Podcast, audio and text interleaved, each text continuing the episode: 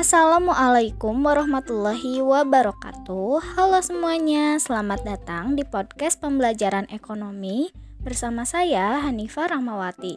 Sebelumnya saya ucapkan terima kasih karena telah mendengarkan podcast kali ini. Pada episode kali ini kita akan membahas mengenai kegiatan usaha bank umum dan bank perkreditan rakyat. Bank umum adalah bank yang melaksanakan kegiatan usaha secara konvensional dan atau berdasarkan prinsip syariah yang dalam kegiatannya memberikan jasa lalu lintas pembayaran.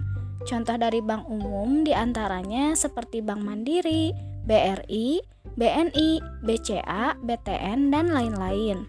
Kegiatan usaha bank umum ada tiga, yaitu menghimpun dana atau funding, menyalurkan dana atau lending, dan memberikan jasa-jasa bank lainnya atau servis.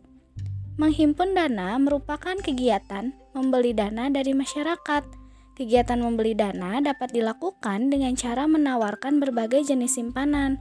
Jenis-jenis simpanan tersebut di antaranya simpanan giro, simpanan tabungan, dan simpanan deposito. Simpanan giro merupakan simpanan pada bank yang penarikannya dapat dilakukan dengan menggunakan cek atau biliet giro. Nantinya, setiap pemegang rekening giro akan diberikan bunga yang besarnya tergantung dari kebijakan bank yang bersangkutan. Bunga simpanan giro ini relatif lebih rendah dari bunga simpanan lainnya. Selanjutnya ada simpanan tabungan. Merupakan simpanan pada bank yang penarikannya dilakukan sesuai dengan persyaratan yang ditetapkan oleh bank. Penarikan ini dapat dilakukan dengan menggunakan buku tabungan, slip penarikan, kwitansi, atau kartu ATM. Selanjutnya ada simpanan deposito, merupakan simpanan yang memiliki jangka waktu tertentu atau jatuh tempo. Jenis deposito ini terdiri dari deposito berjangka, sertifikat deposito, dan deposit on call. Lalu, kegiatan yang kedua adalah menyalurkan dana. Menyalurkan dana merupakan kegiatan menjual dana yang berhasil dihimpun dari masyarakat. Penyaluran dana yang dilakukan oleh bank dilakukan melalui pemberian pinjaman yang dalam masyarakat lebih dikenal dengan istilah kredit. Penerima kredit akan dikenakan bunga kredit yang besarnya tergantung dari bank yang menyalurkannya. Besar kecilnya bunga tersebut akan mempengaruhi keuntungan bank.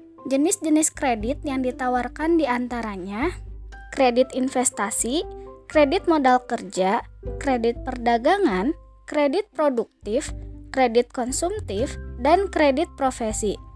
Nah, kita bahas satu-satu yuk. Kredit investasi merupakan kredit yang diberikan kepada pengusaha yang melakukan investasi atau penanaman modal. Kredit ini memiliki jangka waktu di atas satu tahun. Lalu, kredit modal kerja merupakan kredit yang digunakan sebagai modal usaha. Kredit ini memiliki jangka waktu pendek, yaitu tidak lebih dari satu tahun. Contohnya, seperti membayar gaji karyawan, membeli bahan baku, dan lain-lain. Selanjutnya ada kredit perdagangan. Merupakan kredit yang diberikan kepada para pedagang dalam rangka memperlancar atau memperbesar kegiatan usahanya. Yang keempat ada kredit produktif. Merupakan kredit yang dapat berupa investasi, modal kerja, atau perdagangan. Pengembalian kredit ini diharapkan dari hasil usaha yang dibiayai. Selanjutnya ada kredit konsumtif merupakan kredit yang digunakan untuk keperluan pribadi, misalnya untuk keperluan konsumsi. Selanjutnya ada kredit profesi, merupakan kredit yang diberikan kepada kalangan profesional seperti dosen, dokter, atau pengacara. Kegiatan yang ketiga adalah memberikan jasa-jasa bank lainnya atau servis.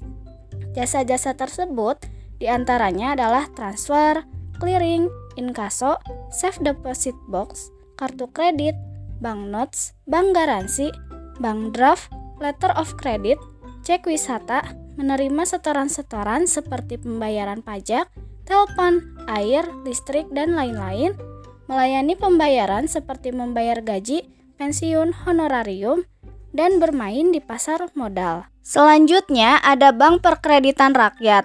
Bank Perkreditan Rakyat adalah bank yang melaksanakan kegiatan usaha secara konvensional atau berdasarkan prinsip syariah yang dalam kegiatannya tidak memberikan jasa lalu lintas pembayaran. Kegiatan usaha bank perkreditan rakyat ada empat, yaitu menghimpun dana hanya dalam bentuk simpanan tabungan dan simpanan deposito, menyalurkan dana dalam bentuk kredit investasi, kredit modal kerja, dan kredit perdagangan, menyediakan pembiayaan dan penempatan dana berdasarkan prinsip syariah yang sesuai dengan ketentuan Bank Indonesia dan menempatkan dananya dalam bentuk sertifikat Bank Indonesia, deposito berjangka, sertifikat deposito, dan tabungan pada bank lain. Terdapat beberapa larangan yang tidak boleh dilakukan BPR, di antaranya yaitu menerima simpanan giro, melakukan kegiatan valuta asing, dan melakukan kegiatan perasuransian.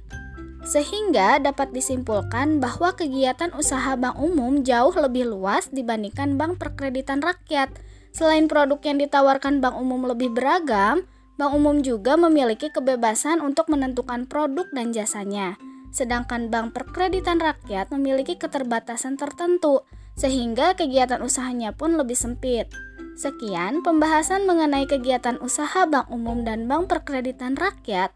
Terima kasih telah mendengarkan podcast kali ini. Sampai bertemu di podcast selanjutnya.